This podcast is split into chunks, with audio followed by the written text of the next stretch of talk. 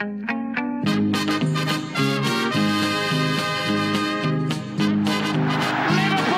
are champions of Europe again. Liverpool are prize winners again. Liverpool is in the record books.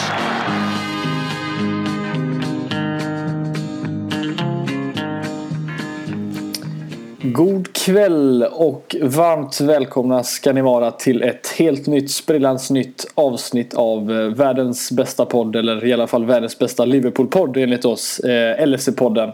Eh, Fredrik Eifors heter jag och kommer leda er igenom kvällens, eh, får ändå som det blir sent på kvällen här nu, en torsdagskväll eh, tillsammans med Kalle Sundqvist. Vi sitter här och ska prata igenom lite vad som har hänt för Liverpool eh, under veckan och vad ko- som komma skall.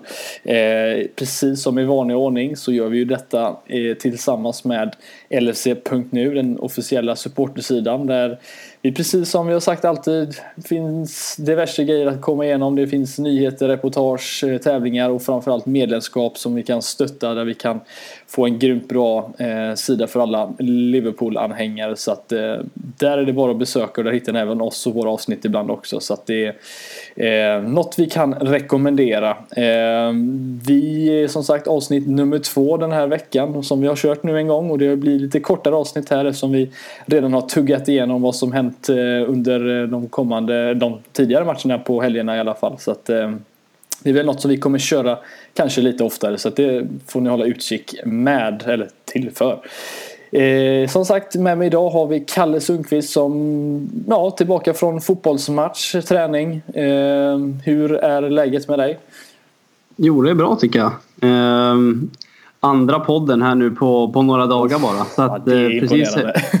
ja, det, det är bra form nu. Ehm, precis kom hem från fotbollsträningen och nu snackar lite fotboll. Det, det blir inte mycket bättre än så tycker jag. Nej, och om spelare, våra lyssnare skulle få bara liksom du vill beskriva för dem vad du är för typ av fotbollsspelare så alla bara vet vad, vad är du för någon? Vem är du på, på fotbollsplanen? Om det inte måste vara en Liverpool-spelare så Ja, jag skulle ju vilja säga Marco Verratti men då skulle jag ljuga. Ehm, det är nog mer en, eh, ja, en liten Lucas Leiva kanske. Ja, Eh, ja. Lite, lite mittfält, lite mittback och lite, lite smälla på och lite, ja, lite allt möjligt. lite, lite Lucas. En liten, någon man kan lita på i alla fall. Ja, ja det vet du fan. Ja men någon som Eh, stannar länge och är lojal och sådär. Det, det får man väl ge honom lite. Ja, jag, tro- jag trodde du menade att man kunde lita på mig ja. Ja, det kan man. Det vet vi redan. Det vet vi redan om i podden. Så att, eh, nej, men det är fantastiskt. Vi, som sagt, jag satt ju Krille körde, tror det var förra veckan och pratade upp eh, om det inte var förra, förra veckan i alla fall. Men eh, lite trevligt avsnitt. Vi tänkte vi skulle snacka igenom lite vad som har hänt här nu i, var väl i tisdag som jag inte helt ute och cyklar jag mot Spartak Moskva här när vi gick in i den andra matchen i Champions League. Och Precis som mot Sevilla så eh, snopet skulle haft tre poäng men ja, det blev en poäng till slut. Vad, vad kan man ta med sig från den matchen? Eh, vad, vad har du för tankar så, så, sådär två dagar efteråt? Ja, det är givetvis fortfarande mycket frustration. Speciellt när man kan se de här andra lagen gå och verkligen göra jobbet medan vi misslyckas gång på gång känns det som. Eh, Inför matchen hade jag en jättebra känsla och när man såg elvan så, så var det ju fantastiskt att man skulle få se de här fyra, fyra fantastiska killarna långt fram. Eh, Så att jag trodde verkligen på att vi skulle få med oss ett bra resultat. Dels för att eh, det kändes som att vi gick in till matchen stärkta efter Leicester-matchen och samtidigt som eh, Moskva var lite skadeskjutna och inte har gått så jättebra i ligan och sådär. Men den gamla klyschan att det är svårt att åka till Ryssland och, och ta med sig tre poäng lever väl vidare. Ja, det Eh, nya Stoke. Det, Ja men så är det absolut. Vi fick ju se eh, Firmino, Coutinho eh, och Mané och Salah framåt där nu. Eh, hur tyckte du att det kändes att se, se de tre tillsammans från start för första gången? Ja, de tre där framme och Coutinho tillsammans där. Det var, jag skrev det faktiskt på min Twitter. Jag tyckte att det här är den sämsta matchen att, för dem att starta. En bortamatch i, i Ryssland. Eh, det känns som att vi alltid har problem. Även fast det var länge sedan vi spelade Champions League egentligen på det sättet att eh, sådana tuffa bortamatcher med ja, lite, lite kallt sådär. och en liten eh, jobbig, liksom, deras fans är med, liksom, högt tryck. Det känns som att vi all, aldrig riktigt pallar med det trycket och jag känner väl att det är fel match att få dem att starta. Det hade varit skönare om det hade varit mot Sevilla om det hade varit så i alla fall. Men jag tyckte väl att de klickade sådär va. Eh, det var väl bara vid ett tillfälle och det var ju när vi gjorde målet egentligen som Mané och Coutinho klickade ihop och jag är säkert inte ensam att tycka det men det kändes som att det inte riktigt var vad man Det är visserligen första matchen men eh, jag vet inte om du upplevde att något som inte jag såg men jag tyckte inte det såg eh, sådär lovande ut som det brukar göra när liksom fantastiska spelare bara sätts på planen ihop och kan lira liksom lite samba-fotboll men inte riktigt var vad jag hade hoppats i alla fall. Nej, absolut. Det var inte, det var inte PSG-klass på det. det var, eh, en sak som förvånade mig ganska mycket var att vi... Jag tyckte att vi slog förvånansvärt mycket inlägg. Vi mm. sökte oerhört mycket inlägg. var något som, som, eh, som förvånade mig. Jag tycker att när man har den här pass, så pass bra kvalitet offensivt så borde man kunna kanske hitta lite mer passningskombinationer som vi gjorde på det här målet som, som, som Coutinho gjorde. Eh, det förvånar mig ganska mycket att vi inte letade de, de chanserna fler gånger för att det var oerhört mycket inlägg som, som gick i ingenmansland egentligen. Ja. Så att, eh, vi har ju suttit där många gånger och diskuterat vad som ska vara ett vägvinnande sätt att spela när man möter de här defensiva lagen. För det var ju Moskvas ingång till den här matchen att de skulle få med sig ett resultat egentligen. Det, så, det var ju ganska tydligt. Så att eh, Nej, det var någonting som förvånade mig faktiskt. Mm. Även fast deras fans eh, hade andra tankar vad, vad det stod. Eh, vinn eller dö stod ja. på deras. Och ja, det... De spelade inte efter, efter, det, efter de hoten kan man väl säga. För jag tyckte Moskva såg väldigt, eller Spartak får vi säga, såg extremt eh, tafatt ut måste jag säga. Sett till att de var väl ändå det laget som vann ryska ligan förra säsongen om jag inte är helt ute och cyklar. Så att det känns som att man ändå ska få någon form av motstånd. Men jag tyckte att de såg eh, och det gör det ju ännu värre med tanke på att vi faktiskt inte går därifrån vinnande. Men jag tyckte de såg väldigt eh, ja, dåliga ut. Alltså det var inte mycket de hade att komma med. Och det, det är tråkigt när att vi inte hade kunnat sitta här i så fall och säga att vi var nöjda med en 4-1 vinst eller något liknande. För det var väl egentligen vad siffrorna borde ha visat. Men ja, känner vi Liverpool väl så är det inte riktigt det sättet vi brukar, eh, den vägen vi brukar ta i alla fall. Men jag, vet, jag tyckte i alla fall innan deras mål så tyckte jag att vi såg väldigt kontrollerande ut. Vårt försvar fick ju inte jobba jättemycket vilket de har fått, kanske inte fått göra hela tiden heller men väldigt stabilt såg det ut i alla fall tyckte jag. Och eh, sen sker ju då det där frisparksmålet som Jag vet inte vad din tanke är liksom, kring målet. Jag tycker att Karius och precis som många andra jag vet, Det känns inte som att man sträcker ut sina armar riktigt på det frisparksmålet. För fram tills dess så var vi ju ganska kontrollerande och sen sker den här frisparken. Ja men det håller jag med om. Innan, eh, innan deras mål så satte man nästan bara och väntade på att Liverpool skulle få in, eh, få in ettan egentligen. Eh, Hela den där situationen börjar väl med att Chan sätts ja. under press och tar ett ganska dumt beslut och spelar hem bollen hemåt. Eh, sen smäller det väl ganska rejält i ett par situationer innan det, innan det blir blåst för frispark. Som jag, när jag såg det så tyckte jag kanske inte riktigt att det var frispark heller om man ser till de smällarna som var alldeles några sekunder innan. Eh, det är ju givetvis en bra frispark men jag tycker ändå att Karius ska ha den. Eh, så det det tycker jag är rent av ett dåligt målvaktsingripande av honom. Han har inte imponerat än så länge i, i Champions League. Det blir lite svårt det där också tycker jag. Speciellt när man har bestämt sig för att han ska spela matcherna som är i Champions League. Eh, han har gjort två lite darriga matcher nu. Och sen det, det, blir extra svårt för honom när han vet att han spelar ungefär en match i månaden. Så att han kommer ju aldrig riktigt in till en match matchtränad om man säger. Nej. Uh, Nej, för det är det jag tycker också känns så jobbigt för en målvakt. Alltså, de, de blir ju inte särskilt varma i kläderna. Det, ju, det måste ju vara fruktansvärt jobbigt för en målvakt att veta att om jag gör ett misstag så, och, och, vet att jag ska få spela nästa match så krävs det liksom en två, tre veckor eller något sånt där liksom, innan jag ska få revanschera mig igen. Det måste ju kännas väldigt jobbigt att bara kunna gå till träningen och veta att ah, jag kommer inte få spela förrän ja, om två, tre veckor igen. Nej, nej absolut. Och sen vi diskuterade det här lite grann förra veckan också tror jag att det, det underlättar ju inte heller när man har ett ett ganska darrigt försvar som vi ändå har haft nu i inledningen av säsongen och har haft det tidigare också för den delen. Mm. Att man roterar på målvaktssidan det, det skapar ingen ro, tror jag i alla fall. Och speciellt när att det är klart att de litar på Karius men egentligen inte om man får, om, om man får säga så. Eh, de vill ju såklart jättegärna lita på honom men jag tror att det, det blir ännu svårare att spela ihop en, en backlinje och ett försvar kollektivt när man, när man roterar så pass mycket. Uh, jag vet inte, du är väl gammal back? Vad är, vad är, eller gammal ytterback Ja, men du, det, det, är ändå lite så här. Jag, jag, kommer faktiskt ihåg det själv. Även fast eh, som vi alltid säger att det är inte samma nivå. Men det är ändå, det är ändå fotboll som fotboll får man ändå säga. Och jag, jag, vi hade också inte något liknande när jag spelade fotboll. Men det jag inte gillade med att byta målvakt från den man litade på. Det var att alla målvakter har olika sätt att vilja styra sitt försvar och det är ju lite där problemet ligger att om du har två målvakter som gillar olika sätt hur de vill vart de vill ha bollen till exempel när, när de ska få en tillbakapassning. Alltså det, allt sånt här sitter ju i ryggmärgen när du har spelat tillsammans med Eh, en målvakt och, och mittbackar och allt möjligt. Och det måste ju vara jättejobbigt för, för spelarna och faktiskt eh, ja, liksom nästan behöva tänka en extra gång innan de gör något för att det, de är så osäkra. Vem är det som står egentligen? Eh, de, alltså, de vet ju inte riktigt i stundens hetta om vem som står nästan för att det byts fram och tillbaka. Så det är en grej som jag tror de stör sig lite på att de vet inte riktigt vad de ska göra ibland för att det är inte samma målvakt som har samma rutiner. Och jag tror, jag tror det skadar, det skadar mer än vad man vinner på det i alla fall.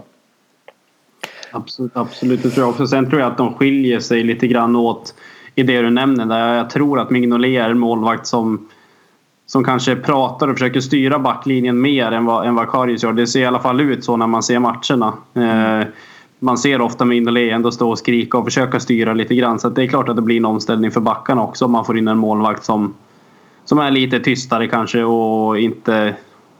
Nu vet jag inte om man inte vill ta för mycket plats men det, det är klart att det, det kanske skapar en, en liten oro som, som inte gör en redan darrig backlinje gott. Mm.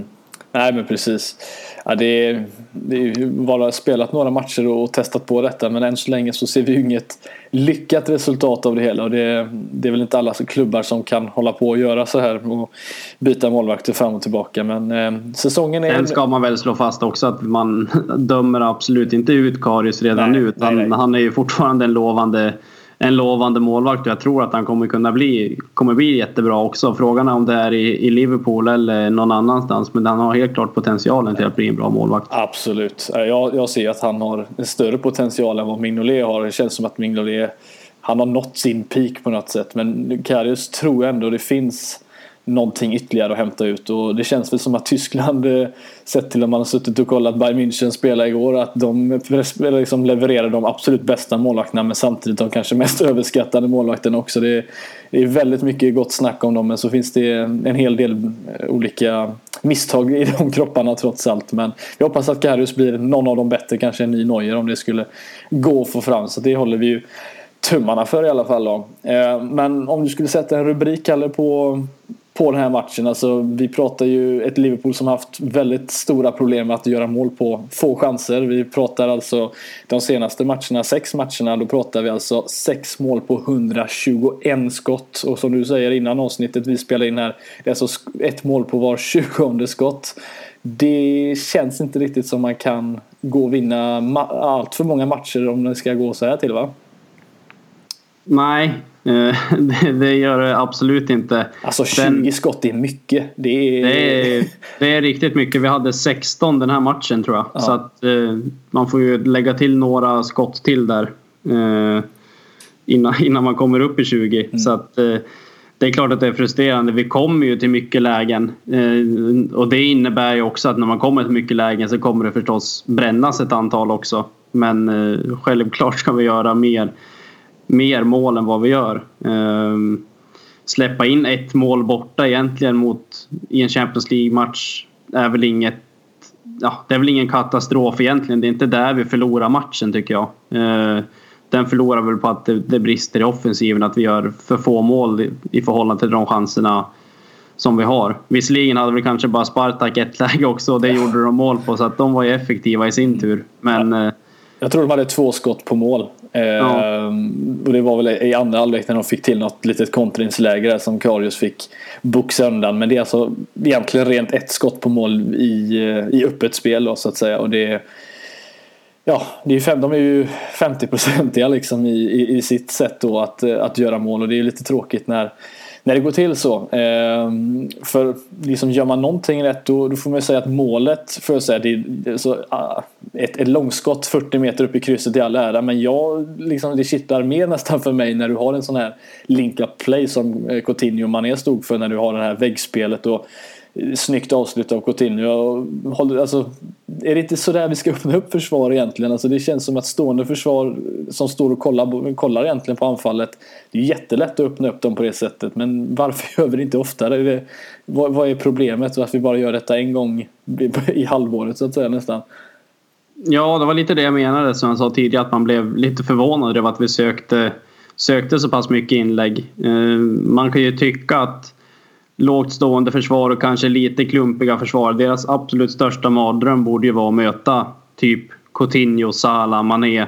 Firmino är också tekniskt duktig så att man, man måste försöka ta det den vägen och det målet som vi gör det är ju ja, jag ska inte säga att det är det bästa sättet att lösa upp ett sånt där försvar men, men nästan så är det ju det. Mm. Eh, så att eh, absolut, jag är förvånad att vi inte har gjort så tidigare och det är inte första gången vi ställs inför de här problemen heller. Så att eh, det är, ja, det är en svår nöt att knäcka verkar det som. Ja, det verkar ju vara det och framförallt då om man kollar på Firmino och Salah som, eh, som också startade som sagt där uppe som ja, hur många gånger vi än har nämnt det. Det känns som att det, det behövs på tok för många skott för att eh, det ska bli något ytterligare mål där. Även fast Salah gjorde ett väldigt fint mål till exempel mot, mot Leicester och så vidare. Men det, det är ju ganska bra lägen de ändå kommer till den här matchen. Som, det är liksom så här lite hånfullt på något sätt. Jag vet att jag spelade alltid fotboll när jag var liten med en kille som han var sådär superbra. Han kunde alltid gömma sig mål. Han ska alltid krångla till det och så blev det aldrig några mål. Det känns ungefär samma sak här nu. Alltså, det är liksom här hånfullt enkelt att göra målen egentligen. Alla andra lagen, en Harry Kane hade ju satt dem, en Aguero hade satt dem. Men vi liksom på något sätt ska krångla till det och till och med vad hade vi en fem, fem mot två liksom och vi får inte ens av ett avslut. Det är liksom, tränar de inte på, på, på avslut på, på Melwood eller vad är problemet egentligen? Ja, det kan man ju undra. Eh, känslan är väl att alla känner den där killen som du beskrev ja. där tidigare. Eh, det fanns alltid någon på skolgården eller någon i, någon i laget. Så att det är givetvis att det är frustrerande och sen att man inte kan förvalta det där läget när vi kom. Vi kom ju faktiskt fem, nästan sex mot två innan deras backar hinner ikapp där eller mittfältare eller vad som jagar ikapp. Och att man inte kan förvalta den chansen bättre är ju, är ju en katastrof. Uh, och att vi, att vi inte ens kommer till ett riktigt avslut, att vi hamnar i en offside-position, det är ju det är nästan skrattretande. Mm. Och, alltså, vi, vi ska ju vara ett av de bättre lagen i, i Premier League i alla fall på den där omställningen. Det har vi sett så många gånger. Uh, så att det är klart att det är lite frustrerande. Man skulle, jag, åtminstone jag skulle vilja se den där bollen slagen lite tidigare. Mm. Uh, kanske redan direkt ut på, på Sala som springer där på vänsterkanten va? Ja, eh, så nu hamnar den hos Henderson istället. Um, nej. Ja, det skulle det... varit den fantastiska fyran kanske helt och hållet som hade kommit där. Då kanske det hade blivit något annorlunda men uh, ja, nej, att, att, att det blir ett offside-läge som det ändå blir på Mané på det läge, alltså på det anfallet. Det, det är lite tragiskt och det var väl någonstans i den 40 minuten dessutom så det hade ju verkligen varit att gå in till halv, halvtidspaus med, med liksom ett, ett färskt 2-1 mål och hade ju säkert fått eh, Spartak på, eh, på lite andra tankar. Men ja, det blir ju som sagt en andra halvlek och ett byten som sker där, Kalle. Eh, ja, vi har ju kritiserat Klopp lite för att det inte vara en matchcoach. Jag vet inte om han gjorde det lättare för sig själv när han tar ut Mané mot Sturridge och låter Firmino vara kvar som jag tyckte hade en väldigt, väldigt svag match. Var det rätt eller fel eller hur, hur gick dina tankar i tv-soffan när, när bytena skedde? Nej, jag hade väl samma känsla egentligen. Ehm, jag såg matchen med en kompis som jag alltid brukar se matcherna med. Så att eh, vi båda satt väl och sa ja men nu plockar de ut Firmino och in med Starwich och sen var det Mané de plockade ut och vi satt och, och tittade på varandra båda två. Så att eh, jag tror det var många som var förvånade där. Ehm, som du sa, Firmino hade inte haft någon någon jättebra match. Eh, och vi diskuterade lite det där också att han gör inte speciellt mycket mål men han lägger ju ner det där stenhårda jobbet som, som inte Sturridge gör. Det är väl där han skiljer sig åt egentligen. För att jag ser Sturridge som en bättre målskytt än vad, än vad Firmino är. Eh, de gångerna han är i form nu då vill säga. Mm. Så att eh, Nej men det är klart att, det var för, att man varit förvånad av det bytet. För Mané hade kanske inte uträttat jättemycket ändå. Jag tyckte att han kom ganska långt ut på kanten. Han kom långt ut i sin position. Eh, men eh, ja, nej, det var helt klart ett, ett lite konstigt byte. Men känns det inte som att en, en tränare som vill gå för tre poäng 100% där i det fallet hade kört kanske en mer 4-2-3-1 uppställning i så fall med Sturridge längst upp. Eh, Mané, Salah på varsin kant, Firmino bakom. Coutinho som fortfarande ser ut efter ungefär så 70, 70 minuter att han går lite på knäna ibland. Att man hade fått ut honom möjligtvis då men kört de fyra där framme och, och liksom gått lite mer offensivt för istället får vi ju se en ut med Chan och in med en Wijnaldum som om Firmino har varit under isen så har ju Wijnaldum varit ännu mer under den isen för att han verkar ju inte alls till, alltså, tillföra särskilt mycket i, i spelet. Nu springer han mest runt och eh, slår lite enkla passningar och håller i bollen. Det känns inte som han riktigt tillför det som han fick se för, eh, Wijnaldum göra förra säsongen när han var liksom en, en motor på mittfältet. Ja, absolut. Uh, känslan att han inte kom in i det riktigt den, den här säsongen. Förra säsongen tyckte jag han var fantastisk på, på jättemånga sätt. Nu gjorde han ju inte de tio målen han hade utlovat men han, han lägger också ner ett otroligt jobb både offensivt och defensivt. Men, eh, men han har haft lite svårt att hitta den här säsongen. Uh, Samtidigt så hade jag väl velat haft ett byte på den positionen. Jag tyckte inte Chan såg speciellt stark ut igår. Eh, Henderson var väl bästa spelaren på mittfältet igen. Får vi säga två matcher i rad där. Eh, ja. Om man ska lyfta fram någon, eh, något positivt från mittfältarna i alla fall. Ja, ja men det tycker jag.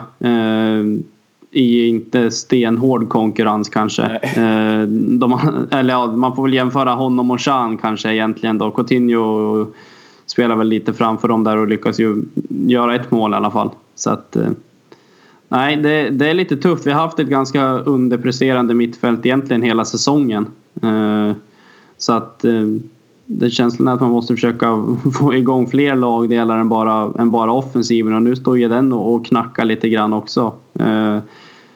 Inte för att jag tror att det kommer bli speciellt långvarigt. Det kommer garanterat släppa lös snart och, och, och vi vet ju att vi är kapabla av att göra jättemycket mål. Så att eh, det tror jag inte är några konstigheter. Nej. Men så att om vi, om vi tar alltså, man sitter ju visst och är lite eh, fortfarande på något sätt lite irriterad eh, efter den här matchen sett till att vi har extremt mycket lägen i första halvlek. Ännu bättre lägen i slutet av andra halvlek med både Sturridge där som på volley drar den över när han inte är offside. Vi har en Firmino som får jättebra lägen och sådär. Om du kommer ihåg det läget när Moreno enkelt ska lägga in bollen till Firmino som bara ska stöta in den. Jag tror alltså vi pratar 90 minuten eller något sånt där om inte 90 plus. Och så blir det en, en, en boll som går till målvakten istället. Alltså, det där sista lilla skarpa där, det, det, det är det som vi saknat. Men du tror ändå att, att det, det, det liksom släpper snart och att vi vi sitter här och pratar om hur, eh, hur vi istället satte fem bollar bakom ett Spartak Moskva. Ja, ja men det tror jag för att alla vet att vad vi är kapabel till, till att göra offensivt. Nu, nu har vi kanske, ja vi har gjort en del mål men även släppt in en hel del mål. Um, sen är det, beror det helt klart på vilket motstånd vi möter. Det är ju, möter vi de här lagen som, som vill försöka spela fotboll offensivt då, då kan vi absolut skada dem. Men uh, Sen är det här, den här gamla nöten som inte har slagit hål på än att vi har svårt att, att lösa upp de här lågt stående försvaren. Ehm, det skulle vara ganska intressant att se hur det ser ut på Melwood på dagarna med, med våran backlinje och den offensiven för att anfallarna lär ju komma med fullt med självförtroende till matcherna medan försvararna måste ha självförtroendet nere i, ner i skosulorna. Så att det är nog eh, en och annan en och annan back som är uppe och köper korv där på Melwood kan, kan jag tänka mig. Ja, det får vi, vi får väl ta med oss lite insider eh, senare under säsongen utan att säga för mycket Kalle. Men eh, det kan kännas som att vi kommer få nästan ta och besöka detta för att ta del och se hur det faktiskt ser ut på träningarna. För att det, man undrar ju om det faktiskt tränas avslut ibland på, bland de här killarna för att ibland ser det väldigt trubbigt ut. Men eh, som du säger, jag tror väl också det att det, det, det blir någon ketchup-effekt snart och det kommer lossna och det kommer eh, ösa in mål. Samtidigt kanske vi kommer släppa in fler mål då men vi kommer ändå vinna fler matcher och det i slutändan kanske det som, som räknas i alla fall.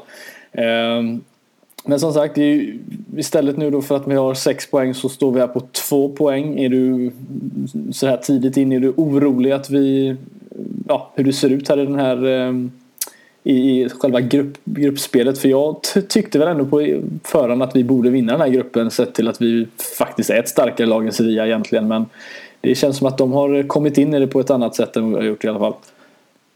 Ja, ja men den, den tanken delar jag också när man såg lottningen. så då, då vart man ju rätt glad och tänkte att, att den här gruppen ska vi kunna vinna. Sen, sen är Sevilla ett jättebra lag också. Mm. Nu kanske de inte är så bra som de var för några år sedan när de...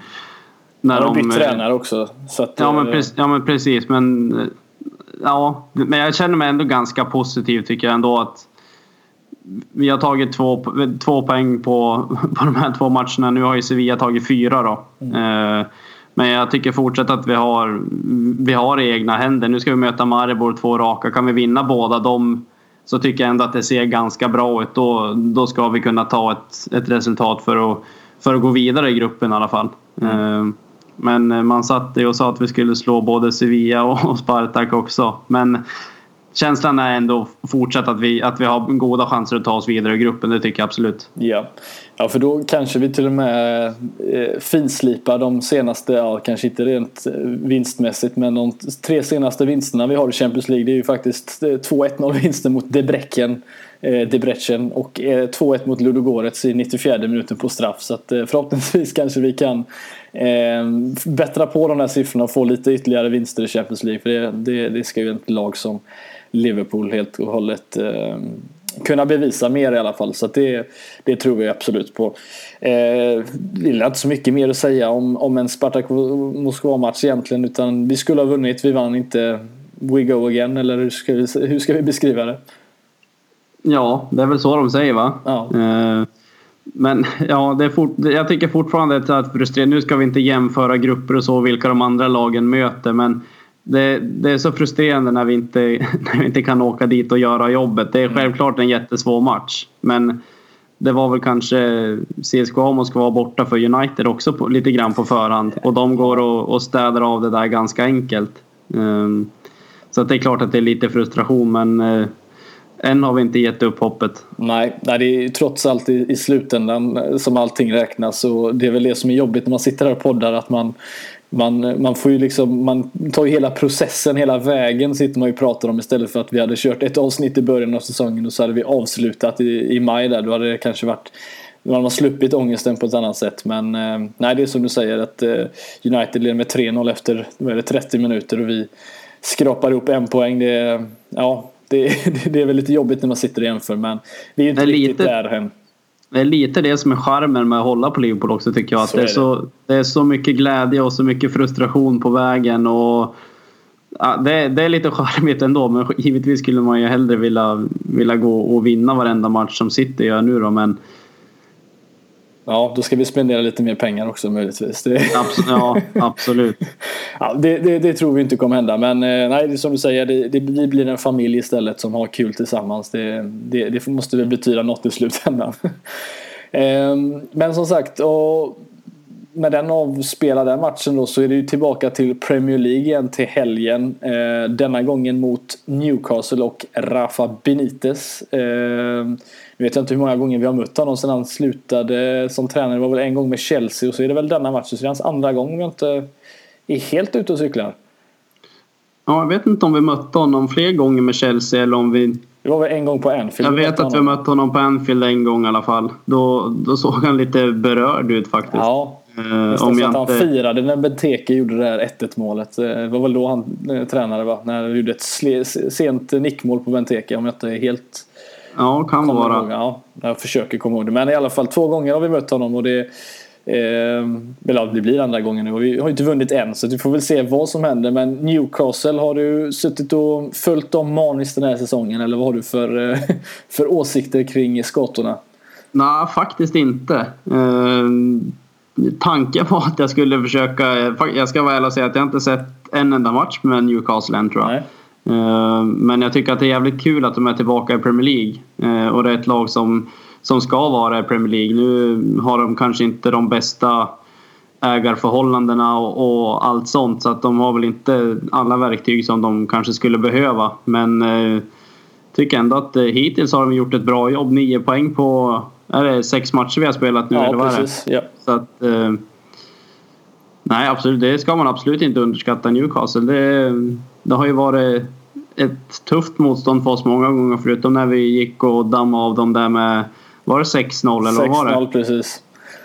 Och sen eh, kom vi ju fram till att Gale är där nu också. Han som han har satt, Dödare. knivar i, han har satt knivar i ryggen på Liverpool förut. Så att eh, Ja, det är någonting att se upp för. Nu vet jag inte hur mycket han spelar. De har väl en del hyfsat offensiva spelare nu. ja, han brukar väl vara en eh, inhoppare om jag inte... Ja, Ja, men det är från bänken han har gjort alla mål mot Liverpool också. Visserligen. Nej, de sagt Newcastle kom ju från, eh, bröt ju sin, eller fick ju sin tre matcher långa vinstvit bruten nu senast och eh, vi har ju som du säger inte haft jättelätt. Vi har förlorat fyra av de sex senaste bortamatcherna. Varav de två senaste har vi faktiskt blivit nollade i både poäng och mål. Så att det har inte sett jätteljust ut. Men det är ett helt annat lag den här gången från både Liverpools del och från eh, Newcastles del. Så rent så här, på förhand då Kalle, vad, är, nu när vi kommer från en 3-2 vinst från Leicester, visserligen rätt skakig match, men eh, tror du självförtroendet är på topp? Eh, eller är det fortfarande så lite ovisst med Liverpool? Eh, ja, jag tror att det är fortsatt lite ovisst. Eh, Samtidigt, nu tog vi den här livsviktiga segern får man väl ändå säga det mot Leicester och hakade på lite grann i, i toppen här nu. Så att eh, vi har väl gjort en vi har väl gjort det vi ska i ligan egentligen så att jag tycker inte att vi har underpresterat på så sätt. Det har varit många taskiga resultat. Två i Champions League nu och, och en i kuppen mot Leicester som har dragit ner ryktet lite grann också. Så att eh, nu går man mot Premier League-helg igen och då, då kommer optimismen tillbaka. Så att, jag, jag känner mig ändå hyfsat positiv inför matchen tycker jag. Mm. Ja, nej, jag, jag satt ju här med, med och, och gissade mig fram till att nej, Leicester-Liverpool det kommer bli målkalas. Jag gissar 3-2 i den matchen och mycket riktigt så, så blir det så. Jag känner väl samma sak. Jag behöver se lite, jag behöver se någon, någon liksom 3-0 vinst för att känna mig lite sådär jag tror laget hade behövt en, en sån typ av vinst där man liksom dammar av motståndarna på något sätt som gör att visa lite styrkebesked. Och jag hade väl hoppats att det hade kunnat komma den här gången men eh, bortastatistiken eh, följer väl nästan med Liverpool även fast det inte är samma spelare. Det brukar kännas så i alla fall. Så vi får väl se hur det ser ut men det får vi se även vilka spelare som gör det. Jag inte, tror du att det blir någon stor förändring sett till eh, senast nu mot Spartak Moskva? Kommer vi få se någon annan spelare än utöver Mignolet som uppenbarligen kommer stå den här matchen då. Eh, jag tänker rent anfallsmässigt, Firmino har ju varit lite under isen. På något sätt konstigt sen Coutinho kom tillbaka. Jag vet inte om det har någonting med det att göra. De är ändå vänner. Men eh, är det dags att liksom röra om lite där för att få just den här ketchup-effekten? Ja, alltså det där är en ganska eh, het potatis att och, och prata kring. Jag tycker Firmino är en fantastisk fotbollsspelare och han lägger ner han lägger ner ett jobb som få forwards gör i Premier League och det, det ska han ha cred för. Och det, det är väl det man älskar honom mest för egentligen, den spelartypen han är. Sen uteblir kanske målskyttet lite då och då. Eh, och det är väl där Sturridge kanske skulle behövas. För mm, någonstans vet man ändå att, ändå att han är en bra avslutare Sturridge. Han, han behöver inte allt för många lägen för att göra mål. Eh, om man ska gå in och starta, det, det är jag osäker på. Jag tror nästan att Firmino startar ändå. Jag vet inte, hur, hur känner du kring det där? Jag tror väl att Klopp på något sätt vill, vill få in lite kontinuitet i dem. Eh, just där framme att spela de fyra så mycket det går egentligen. Eh, men om vi räknar bort Coutinho och bara pratar rent anfallsmässigt så, så tror jag att han kommer att hålla det intakt. Eh, Tror det hade, nu går vi inte, gick ju inte vi vidare i eh, Carabao Cup som det så fint heter. Då kanske vi hade fått se Sturridge eh, om vi hade fått möta något mindre motstånd där eller hur det nu har sett ut. Det hade blivit Leeds om jag inte till och med eh, glömmer bort det. Men ja, det, det känns som att han kommer nog inte röra om allt för mycket inför den här matchen. Men jag tror Klopp känner också det att han ser ju hur de andra lagen presterar. Han vill nog också få in, komma igång och få lite vinster i rad här. Det, vi behöver ju verkligen det innan vi går in i tufft motstånd här mot, vi möter United snart och vi kommer snart in i i snart och snart in i juluppehållet tänkte jag säga. Men vi börjar ändå närma oss där och då kommer det bli intensivt och då har man inte råd att förlora en massa dyrbara poäng. Så att jag tror att han vill spela ihop dem och få så mycket poäng, samla på sig så mycket som möjligt för att sen ha ett bra utgångsläge i alla fall eh, till nästa säsong. Och det kommer ju ett januari där han kanske till och med vill förstärka men det får vi ju prata mer om om några, någon månad, eller några månader i alla fall. Absolut. Eh, känslan är väl det att vi måste försöka sätta ett sätta en, en elva nu egentligen som vi, som vi vet att det är den här elvan som gäller. Lite så var känslan 13-14 där när vi höll på att mm. vinna ligan. Man, man kunde nästan bara skriva upp samma startelva varje vecka kändes det som mer eller mindre. Eh, trots att det skedde en del förändringar den säsongen också. Men eh, det tror jag är jätteviktigt. Såg man Chelsea förra året också så det var mer eller mindre samma elva säsongen igenom. Och på sikt lönar det sig. Det är klart att det är slitsamt för spelarna att spela varenda match men å andra sidan blir man ett, ett sammanspelt lag också. Och nu när man är, har varit borta tre matcher här, två i Premier League då, så är det väl kanske dags att, att för, den, för den delen skulle att spela ihop laget också lite grann offensivt. Mm. Sen eh, om Joe Gomez kanske spelar istället för istället för Trent. Det vet jag inte. Det är väl den positionen som ska stå lite öppen i så fall då. Mm. Ja, för både den känns ju väldigt öppen. Eh, jag tycker väl ungefär som jag tror det var Robin pratade om i förra avsnittet att Moreno känns väl nästan ganska säker på att han är eh, liksom första alternativet på vänsterplatsen i alla fall nu. Han har inte gjort bort sig än så länge så att det känns som att han har spelat till sig där. Men det, det är ju det är mittfältet eh, som känns det känns som att det på pappret känns väldigt så här att ja, men här har vi de tre spelarna men det är nästan där man skulle vilja röra om lite för att få ett lite mer dynamiskt mittfält. För jag tycker ju att Sean Henderson och Wijnaldum är väldigt statiskt mittfält. Det är inte mycket olika typer av fotbollsspelare trots att de är ändå olika på något sätt men de tillför inte något unikt på det sättet och det är väl det som är skönt när Coutinho kanske får droppa ner, eh, spela där. Eh, Chamberlain, var, var har vi honom någonstans eh, i, i rangordningen? Hur, hur eh, nära är han en startplats för Liverpool? Det känns som att den värvningen inte riktigt var... Ja, det har inte blivit något än så länge i alla fall. Nej, nej, så är det. Sen, sen var väl inte... Jag trodde åtminstone inte att han skulle komma till Liverpool och bli någon startspelare utan nej, det skulle nog bli ungefär samma sitt som han var i, i Arsenal trots att han startade en del matcher där också. Mm. Uh, som ytterback. ja, jag menar, där har han fått uh, agera brandsläckare lite grann känns som. Att hoppa ja. in där det, där det har brunnit i knutarna lite grann med, med de skadebekymren som Arsenal har haft i, i väldigt många, i många år. Um, det är klart att han är, han är ganska nära att, starta men ändå väldigt långt bort känns det som. Det är stenhård konkurrens på de positionerna där, där, han vill spela. Nu har han ju kommit och vill vara en central mittfältare och det är väl där det skulle finnas någon plats men jag har aldrig sett honom som, som den typen av spelare egentligen. Nej. Uh, jag gör jag inte heller det faktiskt. Jag, eh, alltså, visst, hans, hans snabbhet, hans styrka och och hans vilja får mig att liksom tänka att han skulle väl rakt av kunna byta ut Wijnaldum egentligen så sett. Men samtidigt så, nej jag ser honom mer som en yttermittfältare i ett 4-2-3-1. Han känns heller inte som en winger som Salah på den kanten då. Eh, så att man vet, det är svårt att riktigt sätta honom på någon position sådär som man känner att här hade han varit perfekt. Men det, det lär väl bli ett mittfält i så fall. Eh, och snart är ju en Lalana möjligtvis tillbaka och då blir det ännu svårare. Och så Ja, jag vet inte riktigt vart vi, vi har honom men eh, förhoppningsvis får han väl spela mittfältare eller längre fram och inte vikariera där bak eh, som han har fått göra i Arsenal då. Men det kanske vi inte tror att han kommer att få göra här eller? Nej, jag, nej det tror jag inte. Känns som att vi har några, vi har ändå bra alternativ där.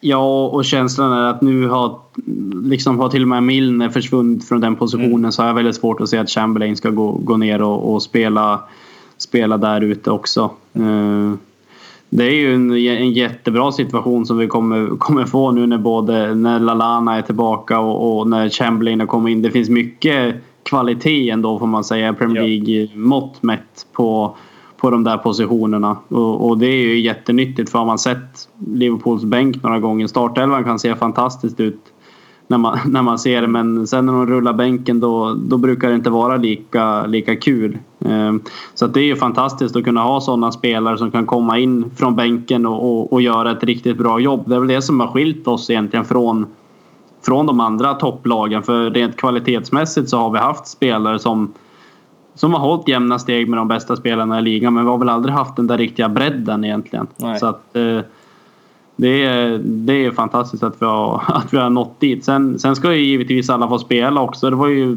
synd nu att vi åkte ur kuppen att Det är ju en, en ypperlig tillfälle att, att få de som kanske sitter på bänken en del och få lite start, matcher från start också. Men eh, snart tickar väl en FA-cup igång också så då blir det lite matcher där. Ja, precis. Lite bortamatcher mot eh, Gillingham eller något liknande. Så här. En, eh, något, sånt ser jag fram emot i alla fall. Då kan vi få se en Chamberlain starta, en Solanke kanske starta, en Sturridge och så vidare. Så nej, jag, jag tror också som du säger, det är, det är kul när de får spela av sig lite också. Så kanske till och med visa vad de går för. För då har man gjort det lite lättare möjligtvis för Klopp och hans eh, laguttagning. Så att, eh, men det är, det är väl i mitt, början av januari det drar igång så att de får nog värma bänken ytterligare kanske.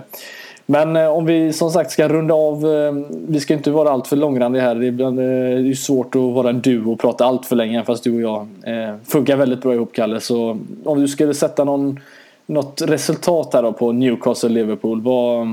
Hur skulle du... Eh, hur går tankarna? Ja, eh, jag tror att vi kommer göra, kommer göra några mål. Eh, sen ska jag väl försöka göra dig nöjd nu Du sa att du vill ha en 3-0 vinst. Men om jag, om jag säger 2-0 då? Köper du det? Jag köper det. Det hade jag varit Då hur nöjd som helst Då med. kör vi 2-0. Mm. Gärna hade det fått komma efter 20, första målet efter 20 minuter. Det andra efter ungefär kanske så här 60 minuter och sen bara Ja. döda matchen. Men, Ja men det är alldeles ypperligt. Man vill, man vill gärna inte leda med 2-0 efter 20 heller och sen behöva... Nej. Nej men, eh, nej men vi säger så. 2-0, nej, men det, det köper vi. Jag, jag tror inte vi håller nollan, men jag tror på 3-1. Jag tror absolut vi kommer göra mål den här matchen. Eh, mer än ett i alla fall. Så att, eh, jag tror att det blir en stabil seger och vi kommer få se alla de tre där framme göra varsitt mål. Det är, det är känslan. Så att, eh, vi får, Man tippar ju sällan med hjärnan när man sitter här också. Det är ju mycket, det är ofta Vad är det för hjärta. något? Jag har ingen aning vad du pratar om. Det finns Nej. inte. nej, nej, det är som du säger. Det är, man, eh, man skulle inte, det är tur att man inte lägger pengar på detta. Då hade vi, då hade vi inte haft mycket att leva för kanske. Men, Ja, tyvärr är det ju det man gör. ja, tala för dig själv. Nej, det blir bra så. Nej.